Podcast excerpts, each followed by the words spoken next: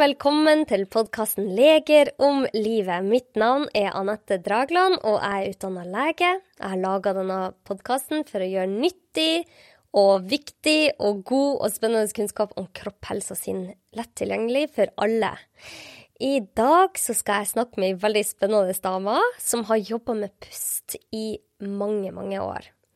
Som gjest i dag har jeg hun Anette Mette Aasland. Hun er utdanna sangpedagog i bunn og har studert opera i ti år i Milano, Roma, New York og London. Etter å ha jobba som operasanger i noen år, arbeidet hun Anette i åtte år i psykiatrien i Norge, hvor hun benytta seg av pusteteknikkene. Og siden 2011 har hun utelukkende jobba med pusteteknikk via Pusteteknikk AS i forbindelse med angst, panikkanfall, astma, kols, smerte, søvn og fordøyelsesproblematikk, hun hjelper også flere med å bedre sine prestasjoner både innen idrett, stemme og presentasjonsteknikk. Hun har også skrevet boka Pusten, hvordan puste deg trygg, sunn og avslappa sammen med Nina Hansen. Og hun har holdt TEDX-talken Exhale i Trondheim i 2016 for de som har lyst til å se den.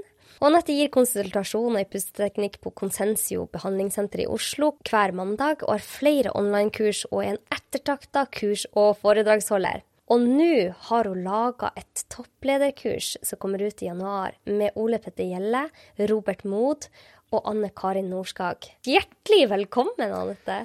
Tusen, tusen takk, Anette. Vet du hva, Det er en ære å være her, og gratulerer med en helt fantastisk podkast. takk. Veldig hyggelig at du hadde lyst til å være gjest i denne podkasten. Vet du hva, Jeg har hatt lyst så lenge, men jeg var sikker på at det bare var for leger. Så nå er jeg bare så takknemlig for å, for å få lov til å være her. Ja, nå sitter vi her på Fornebu, og det er ganske fint vær ute. Og vi har nettopp snakka om at vi to har, vi er så heldige med jobbene våre. Vi får lov til å lære bort masse spennende og viktig kunnskap. Og i dag så gleder jeg meg veldig til å lære mer av deg, Anette. Pusten er noe jeg har brukt mer og mer de siste årene. Men du har jo en erfaring gjennom så mange år som er helt uvurderlig. Og eh, ja, jeg gleder meg til å høre litt mer om pusten med deg. Men hvordan kom du inn i dette? Hva er det som har gjort at du har blitt så interessert i pusten? Det er jo blitt en stor del av livet ditt. Jeg vet du hva, Det er et veldig godt spørsmål. Men når jeg var 25 år, så hadde jeg jo studert opera i veldig mange år, som du var inne på. Ja. Og hadde flytta til London til min daværende kjæreste. Ja. Jeg var hodestups forelska, vi hadde satt opp vår første opera sammen. Oh. Og jeg våkna en morgen og av at han sier I didn't sleep all night because I was thinking of us, mens han smilte. Og jeg husker jeg tenkte å herregud, så romantisk, nå frir han. Ja. Og så sa han you have to leave immediately. Oi. Og det førte altså meg inn i en depresjon der jeg grein hver dag i to år. Det høres veldig dramatisk ut, men det var det. Jeg var helt alene i London. Ja. Og nekta å flytte hjem fordi at jeg tenkte jeg skal komme gjennom dette her. Jeg skal ikke, for Hvis ikke så vil jeg hate London resten av livet. Ja. Og etter to år så kom jeg over en dame som var tidligere operasanger, som hadde lagd noen pusteteknikker sammen med sin bror, som var øre-nese halsspesialist. Og de teknikkene endra altså livet mitt så fundamentalt. Ikke bare forsvant depresjonen etter hvert. Jeg kom meg ovenpå igjen, men jeg hadde hatt masse smerter i ryggen pga. en skoliose i mange år. Og plutselig så hadde jeg ikke vondt i ryggen lenger.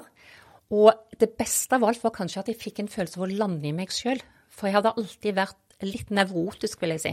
Mm. Det var akkurat som jeg følte at folk kunne se på meg at det var noe rart med meg, at tanken min gikk i høygir hele tida. Ja. Og så var det akkurat så plutselig så gikk jeg fra hodet og landa dypt ned i magen. Og siden den dag så har jeg lest alt jeg har kommet over om pust. Og det er jo nå ganske mange år siden, det er over 30 år siden, ikke sant, at, at jeg lærte dette her. Ja. Og jeg slutter ikke den dag i dag å bli forbausa over hva pusten har å si, både for vår psykiske og fysiske helse. Ja, for det er fascinerende. Og det, det som er så artig, at det kommer så mye forskning de siste årene på dette. Og det er helt fantastisk, fordi at jeg har vært veldig opptatt av at dette skal ikke være noen alternative greier. Det er jo ren og skjær fysiologi. Ja. Men dessverre så gjenstår jo mye forskning ennå. Men det, de forskes jo mye, mye mer nå enn det gjorde når jeg starta pusteteknikk for tolv år siden. Ja, ja, vet du hva, det er så spennende. Men altså, da må du fortelle meg, hvordan kan pusten være så viktig som du sier den er? vi, vi alle puster jo. Ikke sant. Alle puster, men det mange ikke tenker på, er at pusten både er viljestyrt og autonom. Og det er den eneste funksjonen i kroppen som er begge deler. Så de aller fleste puster bare autonomt. ikke sant? Det er som om hvis et barn lærer seg å gå, ja. så er det ikke vits å lære å danse eller hoppe eller løpe. For da går det, ikke sant? Vi har en litt sånn dum sammenligning. men men, men, jeg tenker vi har så mye å lære ved å faktisk trene på den viljestyrte pusten. Akkurat som vi trener på annen idrett. sant? Vi løper, vi sykler, vi svømmer. Mm. Så Derfor er det òg viktig at vi jobber med den viljestyrte pusten for å påvirke den autonome. Ja. Ok, og hvordan Altså, det, jeg har så mange spørsmål, men, men hva, hva, ser du, altså etter å ha jobba med mennesker i så mange år, hva ser du, hva er de vanligste feilene de gjør, da? Ja, Nå er jeg ikke så veldig glad i å si feil, men jeg tenker at vi kan få et mye mer optimalt pustemønster. Mm. Eh, og det jeg oftest ser, det er at folk har gått og holdt magen inne i fryktelig mange år. Ja. Og først så trodde jeg bare det var kvinner, men det er like mange menn Åh. som holder magen inne. Det er i hvert fall min erfaring på de jeg har hatt. Nå er det flest kvinner som kommer, riktignok, eh, men likevel så er det òg veldig mange menn som konstant går og holder magen inne. Og så er det jo stress og prestasjonsjag ikke sant, vel, som vi går igjennom hele tida. Mm. Og vi skal være slanke, og vi skal ikke ha mager. Ja, ja og menn gjør det òg, ja. Absolutt. Jeg har hatt mange menn som sliter med å slippe magen fri, som jeg sier. Men da, da tenker jeg, Anette, vi er nødt til å liksom, eh, snakke om hva, hva egentlig pusten og jeg vet at du er opptatt av diafragma og vagus. Kan, kan, ikke du fortelle oss alle disse begrepene? Yes! jeg elsker diafragma, er min favorittmuskel. Og jeg pleier litt flåsete å si at det er den viktigste muskelen i kroppen vår, selv om jeg vet at hjertet er veldig viktig. Så det er litt flåsete sagt. Men det som ofte skjer når et menneske bare puster overfladisk i øvre del av bryst og krageben, det er at diafragma blir stående i ro. Og diafragma det er jo en tynn, tynn muskel som faktisk deler kroppen vår fysisk i to. Så den er jo gulvet i brysthulen og taket i bukhulen. Ja. Ikke sant? Og når den står i ro, så blir jo alle de indre organene våre stående i ro, inkludert tarmene. Mm. Og i osteopatien så ser de at fravær av bevegelse i et organ er begynnende sykdom. Og det som skjer hvis vi lærer å puste optimalt ut Det er veldig opptatt av å puste ut. Når vi puster optimalt ut, så beveger diafragma seg opp som en kuppel inne i kroppen vår. Så hvis du hadde stått inni min mage, så hadde det vært akkurat som du var inni en kirkekuppel, ikke sant? Oi. Og da vil en føle at det blir et vakuum i lungene, og at diafragma går ned av seg selv, selv om det er en aktiv bevegelse sånn rent muskulært. ikke sant? Men du vil kjenne det vakuumet, og du vil føle at lufta kommer inn helt av seg selv. Den bevegelsen opp og ned der, den kan være, det, varierer hva folk sier. Noen mener det kan være 10 cm, andre mener det kan være 15 cm. Men hovedpoenget er at den får virkelig fart på tarmene. Så jeg har hatt mange klienter som har ringt meg etter en konsultasjon og sier du Anette, dette er litt flaut.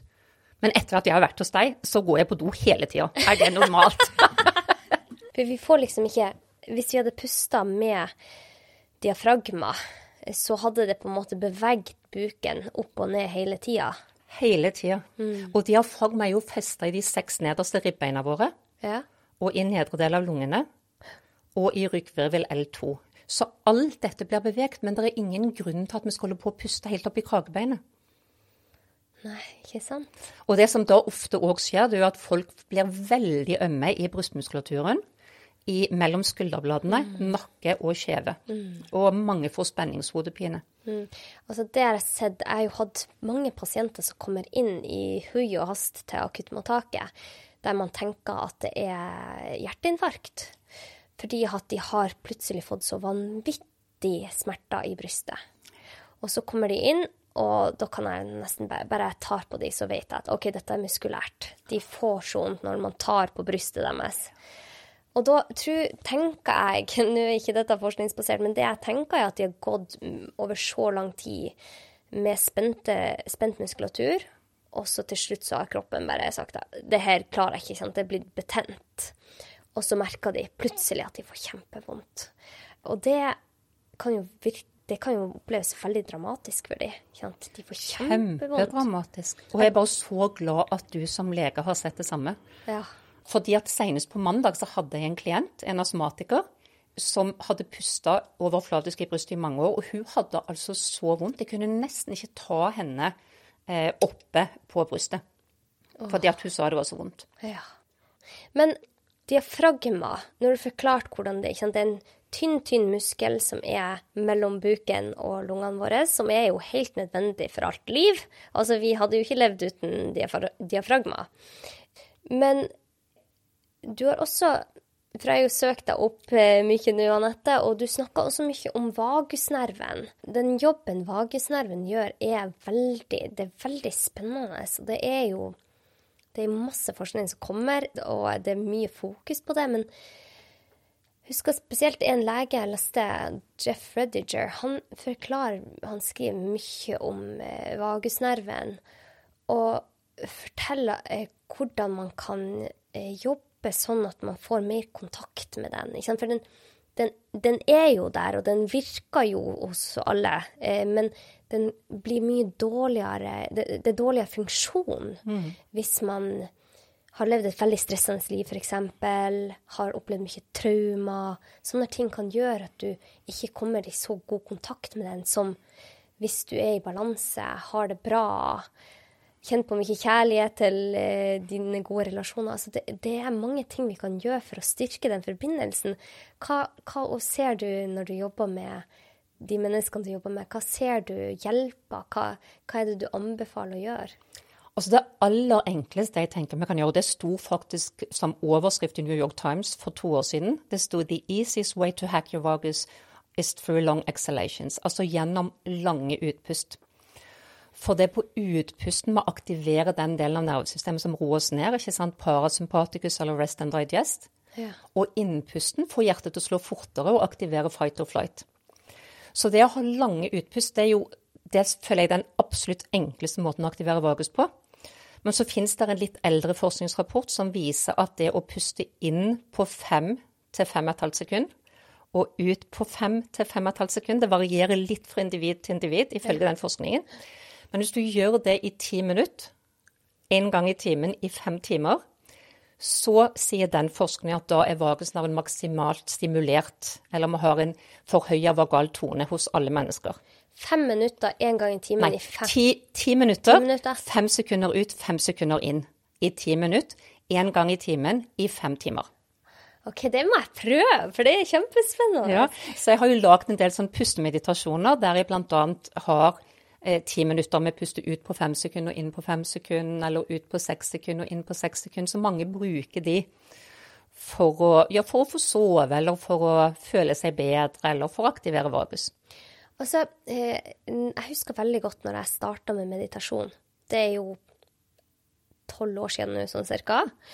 Men i starten, altså de første mange år, så slet jeg veldig med meditasjon hodet var i kaos. Jeg syntes det var veldig ubehagelig å sitte for meg selv, så det var veldig sånn Prøvde noen dager, så slutta jeg, så prøvde jeg igjen.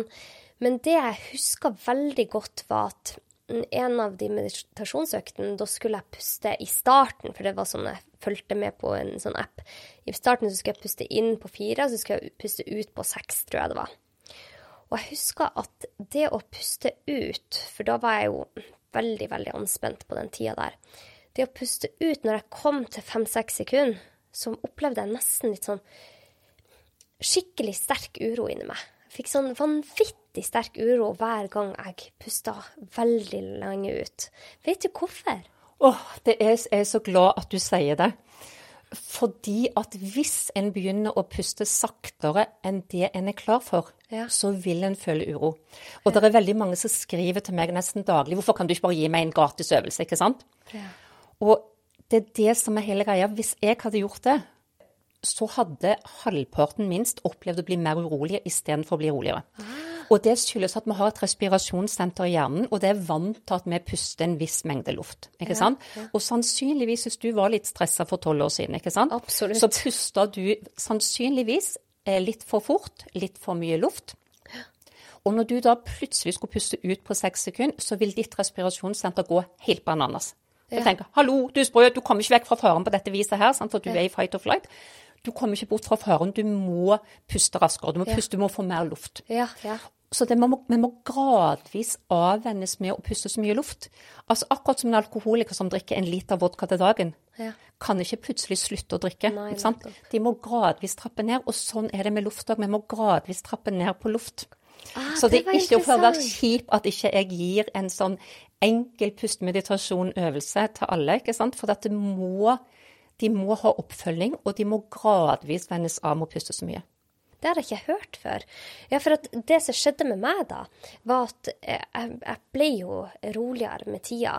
Og så gikk det bedre etter hvert, og plutselig så var det ikke et problem lenger. Men jeg husker det var et problem veldig lenge for meg, og jeg unngikk de meditasjonene der jeg måtte puste lenge ut.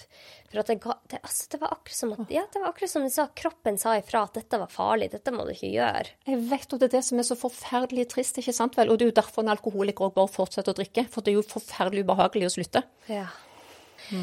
Hva er det som går igjen? Hva er det utfordringer du ser vi, vi sliter med? Altså, det første er at å slite med å slippe magen, Ja. faktisk. Og så det andre å klare å få bevegelse i ribbene. For ribbeina våre blir jo stivere og stivere jo eldre vi blir. Ja. Jeg fikk jo sjøl høre av en fysioterapeut at pga. min skoliose, så var det umulig for meg å få bevegelse i ribbene. ja. Og når noen sier umulig til meg, da går det en skikkelig stor F i meg. så da gikk jeg hjem og øvde og prøvde å finne ut hvordan kan jeg få dette til. ikke sant? Og når jeg kom tilbake etter noen måneder, så sa hun bare dette her er ikke mulig. Hva i all verden har du gjort? Disse øvelsene vil jeg òg ha. ja. Men lær meg, hvordan kan man slippe ut magen? Hva du skulle si du, dette? Nei, for det, det, beklager, det var ikke meningen å avbryte deg. Men det jeg òg ser, det er at de sliter med å ikke heve brystet. De er så vant med å heve brystkassen sant? helt oppe Helt oppe i eh, Nå står det helt stille. kragebeinet. Kragebeinet, takk. Ja, ja. Ikke sant? De sliter faktisk med å ikke klare å bevege der. Så, så jeg føler at det er veldig mange er veldig stive i diafragma. Det er jo ikke rart når den har stått i ro i mange år. Ikke sant? Men, men hva gjør det med altså, det, det, der du, det første du sa med magen?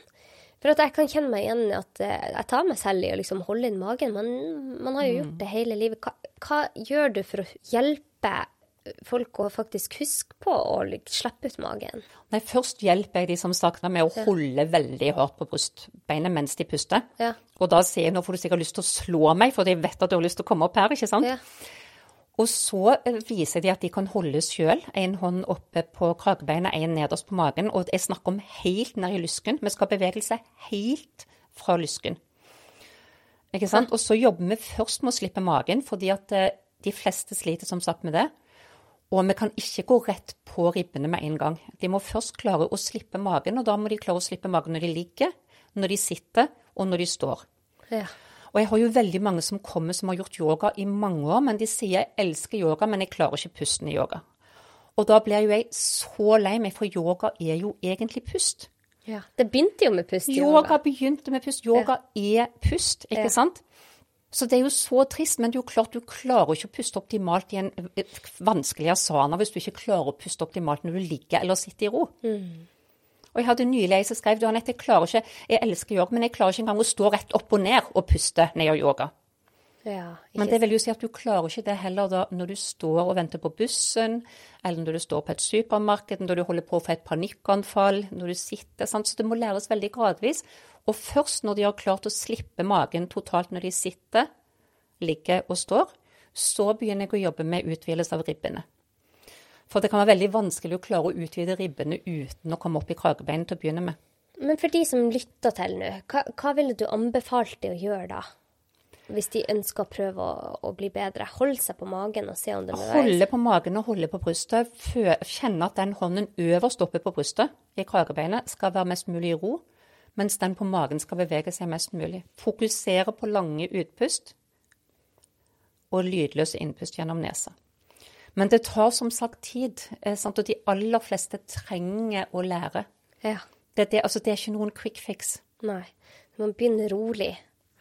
Eh, Eller begynner ikke så rolig. begynner litt raskere enn det du skal ende opp på. Men, på altså, men hva ser du at pusten Altså når mennesker lærer seg å puste bedre, hva ser du det hjelper for? Jeg, jeg slutter ikke å bli forbausa. Det, de har hatt så mange Mange har sagt hjelp mot smerter. De har mye mindre smerter i nakke, hode, spenningshodepine, skuldre. ikke sant? Det er jo veldig mange som sliter med. Veldig mange får mindre angst, og spesielt Det er jo veldig effektivt mot panikkanfall. Mm. Ja, og det er veldig underkommunisert. Fordi veldig. det har jeg hatt flere pasienter som har blitt mye bedre veldig. fra når de lærte seg pusten. Og for ikke å snakke om fordøyelse. Mm. Som sagt, veldig mange sier at de går mye hyppigere på toalettet. Mm. Blodtrykket det er jo det enkleste av alt. Hvis det er stressrelatert høyt, ja. så har jo jeg fått ned blodtrykket på ti minutter. Ja. Altså, det, det, er jo supereffektivt. Det, å, det blir varmere i hender og føtter. Ikke sant? Fordi at når vi puster raskt over overflate, så trekker jo blodårene seg sammen. Ja. Ikke sant? Sånn at det, noen tror at de alltid har kalde hender og føtter. Jeg hadde ei dame på over 80 år stakkars, som sa at hun hadde vært kald hele livet. Og når hun pusta, så begynte hun nesten å grine. Og så vet du hva? Du må ha noen helt magiske hender, for nå er jeg så varm. Og så sa jeg det er ingenting magisk med mine hender, jeg lover deg. Men når du puster sånn som du gjør nå, så får du faktisk blod ut i de tynneste kapillærene, og da blir du varm. Kroppen har ti, ha, Kroppen velger å putte energi til sånne ting også. Ikke sant? Hvis man har vært i stressmodus kanskje hele livet Man vet jo at de som opplever f.eks. traumer, har jo helt, et helt annet nervesystem, mer trigga nervesystem enn de som ikke har. Og hvis kroppen har trodd at den har vært i fare hele livet, så vil ikke den prioritere fordøyelse eller å få varme hender, eller Den vil jo bare prioritere å fl komme flykte fra den faren, eller fighte den faren. Eh, Absolutt. Så, men jeg tror at det er mulig å snu ved hjelp av pusten. Ja, det... Uansett hva traumer har opplevd. De har jo I USA så bruker de jo pusteteknikk på krigsveteraner med PTSD. Ja. Og de har ei ukes trening og ett år etter at den treningen er gjennomført, så har de fortsatt mye mindre som flashback, og det går mye bedre med dem. Mm. Og dette er jo mennesker som har opplevd skikkelig alvorlige traumer, ikke sant? Åh, jeg bare skulle ønske at vi kunne lære barna våre det fra de var små. Bare starte dagen med fem minutter pusting, f.eks. Men da må jeg si at jeg har vært så heldig fått lov til å være med å lage noen tegnefilmer som ligger gratis på YouTube ja. for Ålesund fylkeskommune. Ja. For barn i småskolen. De er kjempefine. Og de ligger ute på Livet og sånn. Og så heter de Frosketid. Jeg skal legge ved den eh, linken, for det kan man gi til barna og vise dem. Absolutt, og de ligger helt gratis. Og så mange barn sier at de føler seg mye roligere inni seg når de ser på de filmene, eller når de gjør de øvelsene. Og det er jo egentlig de samme øvelsene som jeg gir til mine klienter. Ja. Ikke sant? Det å få det inn på en, et sånt vis er utrolig fint. Og jeg hadde ei, en lege inne som heter Trude Salte veldig flott eh, dame som er fastlege på Nesodden. Mm.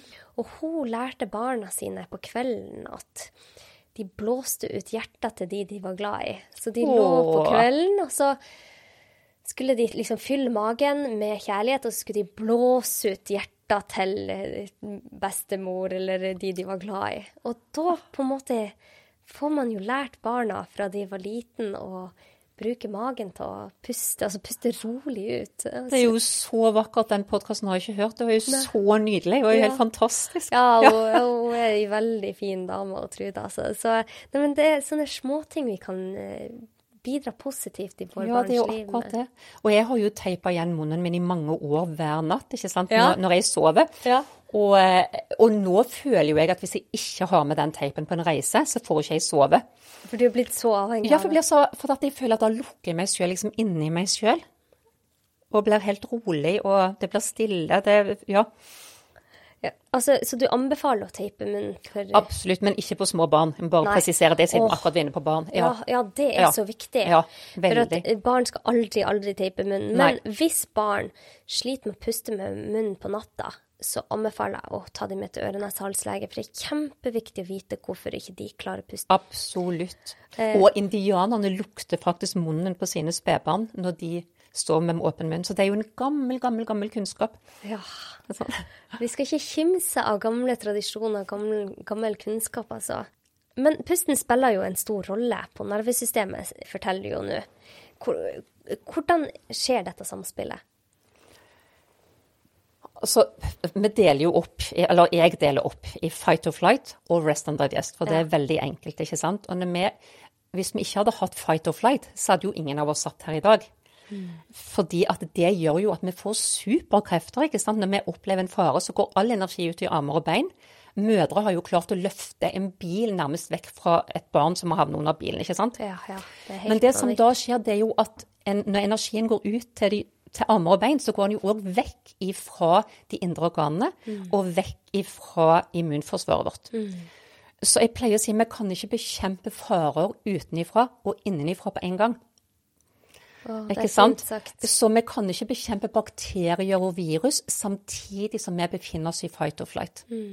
Ja, men immunforsvaret blir dårligere. Det vi- viser forskning. Ja, abs absolutt. Og dermed ved den enkleste måten å bevege seg fra fight or flight over til rest and digest og få en balanse mellom de to komponentene, det er jo ved å puste langsomt ut. Mm. Men vi må gjøre det ofte. For det, det er jo en relativt ny forskning som viser òg at pusten vår blir, blir eh, endra av enhver tanke, enhver følelse vi har. Ja. Sånn at hvis vi bare Ikke bare jo kjempebra som puster rolig i ti minutter på en dag, for all del, ikke sant? Men istedenfor så anbefaler jeg å gjøre to minutter ca. en gang i timen. At man husker på bare to Ja. minutter. To minutter ca. en gang i timen. For da rekker ikke disse her stresstankene våre å endre pustmønster sånn at det blir overfladisk igjen. ikke sant? Og på sikt så vil jo den autonome pusten bli påvirka, sånn at den vil bli roligere. Men hvordan pusteteknikk anbefaler du da de to minuttene? Da anbefaler jeg å puste rolig ut. Jeg bruker en S-lyd, fordi at det er lungelyden i kinesisk medisin, og det er òg en lyd vi bruker veldig mye som sangere for stemmen. Så jeg bare sier en lang S-lyd, og så puster jeg lydløst inn gjennom nesa, eller jeg bare føler at jeg slipper lufta inn. Og når det ikke kommer inn mer luft, så puster jeg ut på en S. Jeg prøver ikke å fylle meg opp maksimalt på noen som helst måte.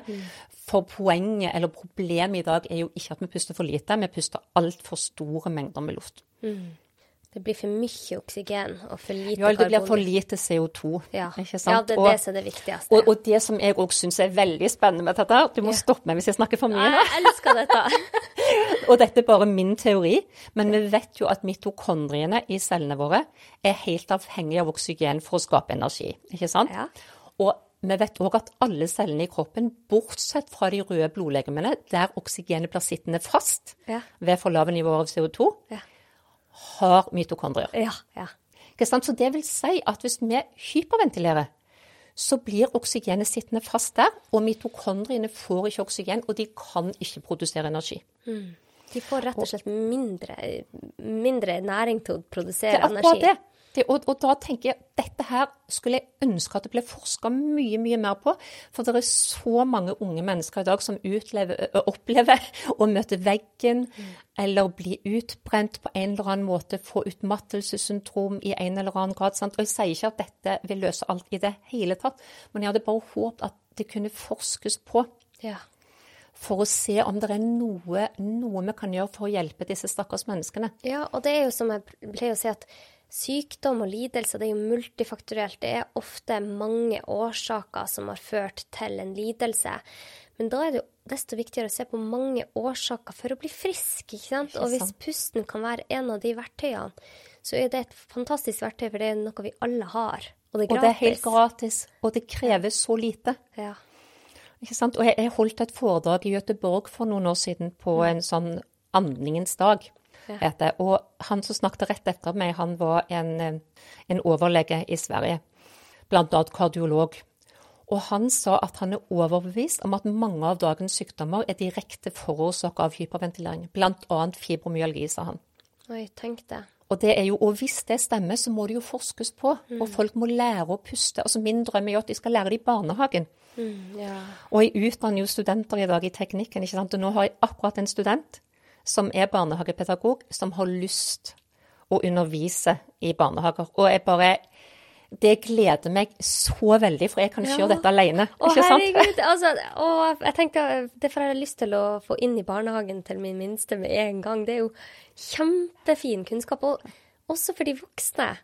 Absolutt. Altså, det, det er fantastisk. Jeg glemte jo å si om diafragma, som er veldig viktig. Ja. Eh, For mange er gjerne ikke klar over altså Når vi trener en muskel, så blir jo muskelen tykkere. Ja. Men diafragma blir jo ikke det, men den blir mer elastisk. Ikke sant? Og jo mer elastisk diafragma blir ved at vi trener på den viljestyrte pusten, Ja. jo langsommere og dypere vil den autonome pusten bli. Ah. Den blir mer elastisk mykere. Den får Ja. bøyd seg sånn som den skal. Ja. OK.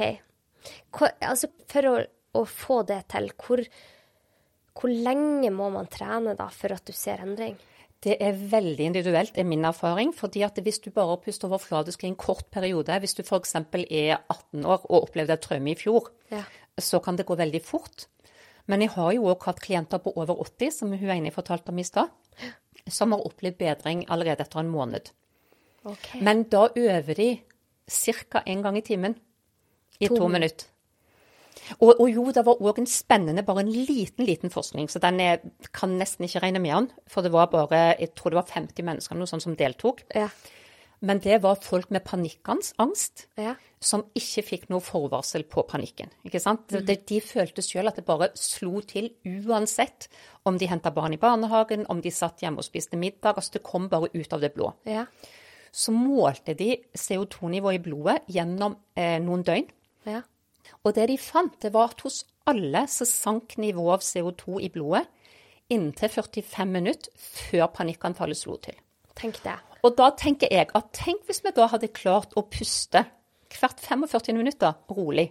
Så hadde vi sørget for at CO2-nivået i blodet steg, at vi fikk mer oksygen til hjernen, og kanskje kunne unngått eh, panikkanfall. Det krever som sagt mye mer forskning, for det var en veldig liten Men du må forklare hva hva er CO2? Bare forklar det kort. Nei, altså det er jo, Vi er jo opplært til å tenke at det er en gift. Ja. ikke sant? Og Ja, det er jo det, det er jo mer CO2 i lufta vi puster ut, karbondioksid, det er jo mer karbondioksid i lufta vi puster ut, enn i lufta vi tradisjonelt puster inn. ikke sant? Ja. Og Derfor så har jo folk før brukt poser, puste i papposer. Det har de jo fortsatt på, eller papirposer, fortsatt på fly. ikke sant? Når noen opplever å få flyskrekk, så sier gjerne flypersonell pust i den posen. Det er jo fordi at da puster du inn igjen den lufta du allerede har pusta ut noen ganger. Så CO2-nivået vil gradvis stige bitte litt. ja. Men vi trenger, vi må ha ca. 4% CO2 i blodet for at hemoglobinmolekylene skal slippe oksygenet Ja. til alle cellene som trenger det. Det er jo bl.a. hjernecellene våre. sant? Hvis du ikke har oksygen til hjernen, så klarer vi ikke å fokusere, konsentrere oss, memorere.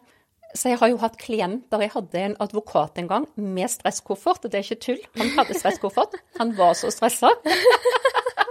så det er liksom et bilde på han. Etter ti minutter på benken så sa han Unnskyld meg, men dette er jo bare helt sprøtt. Og så sa jeg unnskyld, hva mener du? Så sa han jeg ble så innmari klar i huet. Og han sa det var akkurat som alt han noen gang hadde lært. Alle tankene kom som et kartotek i hjernen, bare lina opp. Og da sa jeg men det er jo ikke rart, du har jo ikke hatt oksygen i din hjerne, for mange år, sa jeg. Stakkar. Men han tok det med et veldig stort smil, da. Å, det er herlig, altså. Å, ja, OK. Så, så det du anbefaler, er jo faktisk bare, bare to minutter hver time. Ha bitte litt fokus på den pusten. Puste rolig ut. Det er det viktigste. Ja, og det greia er at du kan gjøre det overalt. Du kan sitte på en forelesning på skolen. Jeg har jo hatt, jeg hadde en gutt på 16 år som skulle ha tentamen i matte. Hadde lest masse, fikk totalt jernteppe. Ja. Og så kom han tilbake og sa han, da gjorde jeg bare sånn som du har sagt, Anette, så husker jeg plutselig alt. Ja. Kommer Og det er kun å puste rolig i kort periode, så får du frigitt oksygen til hjernen. Det er, det er ikke rocket science. Det er rett og slett ren og skjær fysiologi som er helt fantastisk. Altså kroppen vår er helt fantastisk hvis vi lar den få lov til å være sånn som den er meint å være. Ja, det er et vakkert samspill. Det er, det er helt utrolig hva Du får ned stresshormonene, det blir skilt ut, og det er så masse som skjer ved å koble på det parasympatiske nervesystemet. Absolutt. Men, men Anette, har du lyst til å, å lære noe mer mens jeg har deg her inne? Jeg føler at nå har jeg ei dame som har utrolig mye kunnskap, og jeg må bare lære så mye jeg kan i denne timen. Som sagt så tror jeg det viktigste er å puste ut, men det er òg å være tålmodig og vite at dette tar tid. Ja. Ikke sant? Og at en kan ikke plutselig begynne å puste kjempelangsomt, for da vil du bli superstressa. ja. Jeg, jeg tror faktisk at det er det viktigste. Og prøv å holde munnen lukka i den grad du klarer når du er ute og går, eh, kanskje òg når du trener. Det er ikke nok forskning på det enda. Jeg håper å få til forskning på dette i løpet av året. Å, På trening og nesepust. Men jeg, jeg vet ikke helt sikkert enda, men jeg håper at vi får det til. Å. Eh, men for de som så på VM nylig, så så dere kanskje at hun som vant 100 meter eh, sprint, løp med munnen helt klistra igjen. Og når Tenk hun kom det. i mål, altså Det var så kult å se. Og når Ja. hun kom i mål, så var det ikke, hun var ikke andpusten i det hele tatt. Hun heiv ikke etter pusten. Nei. Hun bare sto med munnen helt lukka. Så jeg vet jo at det er mulig. Ja, og det er flere og flere. Jeg tror det er han som vant eh, maraton i Berlin. Jeg husker ikke. Men han hadde også munn lukka hele veien. Veldig mange maratonløpere har munnen lukka hele tida. Men jeg syns det er enda mer imponerende med en sprint. Ja, ja, det er, kjempe, det er kjempeimponerende. ja. Men altså, jeg, jeg, det jeg gjør nå, er at jeg prøver å gå i motbakka med munnen lukka. Mm. Jeg klarer ikke å løpe i motbakka, men gå. For jeg tenker også jeg kommer til å slippe til å få inn alle de sånn svevepartiklene rett ned i lungene, og jeg prøver så godt jeg kan. For det, jeg, jeg, jeg har trua på at det er bra for oss. Vet du hva, Jeg gjør det konsekvent. Men, men som du sier, jeg kan ikke da løpe. Jeg må gå, eh, eller jeg må løpe saktere. Hvis du er flink til å løpe, så må du gjerne løpe saktere. Heller stoppe opp og få igjen pusten uten å åpne munnen. For det er så mye å hente. Og folk restituerer mye fortere, de kan trene mye mer. Får jeg tilbakemeldinger på, ikke sant? Ja, ja. Jeg har en nabo her som har vært eh, toppidrettsutøver, og han sier at det har vært en utrolig forskjell for han etter at han starta med nesepusting for et år siden. Men jeg hadde med en mann til Italia nå som drev med crossfit. Han var super, supertrent, men han sa at når han løp i bakker, så fikk han alltid syre og måtte stoppe. Ja. Og nå løp han i noen bakker der i Trevi i, i Italia, det er veldig bratte bakker, og han kom tilbake helt euforisk og sa vet du hva, Anette, jeg fikk ikke syre i det hele tatt. Det var helt sykt. Og han følte han kunne bare løpt og løpt og løpt. Det er interessant. Veldig. Og jeg håper dere får til den der forskninga, Anette, for Det den også. trengs. Det håper jeg òg. For det er òg mye skepsis i, det. i, på dette området. Men eh, ja, det, det er mye lovende forskning, Hvertfall. Men jeg kan jo skjønne skepsisen òg, for det er jo veldig mange idrettsutøvere som har tradisjonelt sett løpet med munnen helt åpen, tunga ute, ikke sant. Og, og det foreligger jo ikke nok forskning heller til at vi kan konkludere. Nei, nei, Og det er jo òg viktig å, å få fram, ikke sant. Men jeg tror jo, jeg kjenner jo sjøl, at jeg gikk jo tre mil på ski i fjor uten å åpne munnen en eneste gang. Og det er jo en helt annen opplevelse. Det blir mye mindre støl og stiv i beina enn hvis jeg går og hiver etter luft. Ja. Hvordan hjelper du dine klienter til å huske på å gjøre øvelsene hvert Det er jo det mest utfordrende, faktisk. Men til noen altså Først må jeg gå gjennom dagen med dem og se hvordan ser din dag ut. For det er jo veldig mange forskjellige dager ikke sant, i et menneskes liv. Hvis du er student, f.eks., så kan du før hver forestilling eller i hver forestilling puste rolig et par minutter. Hvis forelesningen er mer enn en time, så må du gjøre det to ganger. Men det gjerne letteste tipset som jeg har gitt, det er hver, hvis du drikker nok vann, hver gang du går og tisser, sitt på toalettet og pust rolig. For da bidrar du òg til å tømme blæra bedre. Veldig mange har stressblærer, ikke sant. Vi rekker ikke å tømme blæra. Eh, Vi tisser ikke ferdig. Så det bidrar, og det, det er noe alle gjør. Eh, Og menn kan òg sette seg ned på toalettet, ikke sant. Bare sitte der i to minutter før du går tilbake på jobb. Men jeg har òg hatt ledere som sitter i møter der de blir veldig stressa, ikke sant. Som sitter og puster rett foran de andre i møtet mens de andre prater. Uten at de andre merker noen ting. Nei. Og de roer seg, og de tar klokere beslutninger fordi at de da får mer oksygen til hjernen. Det har effekt. Man kommer i kontakt med ressursene sine. Og andre plasser, det er jo i, i bilen, på bussen, på toget, på flyet. Det er det som er så fint. Du trenger bare deg selv. Bare deg sjøl. Men ikke ha på stramme bukser. Det må jeg si. Oh. Veldig, veldig mange har bukser som gjør det helt umulig å puste dypt ned i magen. Og så sier de men denne buksa er ikke så stram, sier de når de står. Og når, når de står, så er helt fin. Men når de setter seg ned, så strammer buksa på, eh, på magen. Og det er jo en grunn til at jeg alltid går med kjoler. Men jeg, jeg skjønner at jeg ikke kan få menn til å begynne å gå med kjoler. Ja, det er greit å vite, faktisk. Mm. Sånne ting tenker man ikke på. Ikke? Man har jo bare gått med de buksene man går ikke i. sant? Åh, ja. Men, eh, men, har du noen siste råd du har lyst til å dele med mine lyttere før vi legger på for dagen? Du vet, Jeg kunne jo snakket i mange uker, men jeg kom på én ting som jeg syns er veldig spennende, som foregår nå på Karolinska, og det er at de forsker på dette med lymfedrenasje. Og lymfe er så spennende. Ikke sant? Og det er jo kjempe, kjempe, kjempespennende. For veldig mange kvinner opplever å få store, spesielt lår og rumper, iskald på låra, masse cellulitt, kanskje hovne ankler. Ja. Og så begynner de å trene veldig, veldig hardt ja, ja, som menn. Og det som da skjer, er at de får jo enda mer avfallsprodukter i cellene, som gjør at de får enda mer lymfevæske og hovner enda mer opp. ikke sant? Okay. Men det de har funnet ut av, det er at vi har jo en sisterne kylia, en liten sisterne som ligger under diafragma. Noen centimeter under, varierer litt fra person til person. Og der går all lymfevæsken igjennom fra leveren, underlivet og beina. Nesten all væske går igjennom den lille sisterna. Okay. Men lymfesystemet vårt har jo ikke en pumpe sånn som blodomløpet vårt, ikke sant, som har hjerte. Men det de har funnet ut så langt, er at de har fragma sin bevegelse treffer cisternekylia, som gjør at det får i gang lymfedrenasjen. Er det sant? Så det de anbefaler så langt, det er å gjøre dype pusteøvelser. Er det sant? Er ikke det spennende? Ja, for dette, dette, er noe av det mest spennende jeg kan høre om. Altså lymfe, det har jeg eh, satt meg veldig inn i de siste årene, og jeg bare syns det er kjempespennende. Altså, vi har jo mer lymfevæske enn vi har blod, men det er liksom ingen, ikke noe snakk om det. Og det er jo et så viktig system. Ikke sant? Ja, det var artig. Tusen Så det måtte jeg bare få med. Ja, tusen takk for at du dela. Å, det var artig. Det var kjempeartig å snakke med deg i dag, Anette. Og så lurer jeg på, jeg har et siste spørsmål til deg. Fordi at du har jo jobba med dette i mange år. Du har møtt veldig mange forskjellige mennesker. og du er jo ei veldig fargerik og sprek dame. Og jeg lurer på, hva tenker du er viktig for oss for å ha gode liv? Hvis du hadde fått tre ting du kunne etterlate etter at du gikk bort? Tre sitater, råd? Hva ville det vært? Du kunne fortelle alle mennesker på denne jord. Ja, vet du hva? Jeg har egentlig én setning eller ett ordtak som jeg alltid sier til alle. Hvis du skal huske én ting fra dette foredraget, sier jeg, så er det pust ut og slipp magen fri. Ja. Fordi at det å gå og holde den magen inne, det skaper så mye trøbbel. Og vi blir i hvert fall ikke slankere, snarere tvert imot. Mm. Både i forhold til tarmene våre, men òg i forhold til lymfevæska, ikke sant. Mm. Og så er det jo selvfølgelig bevegelse.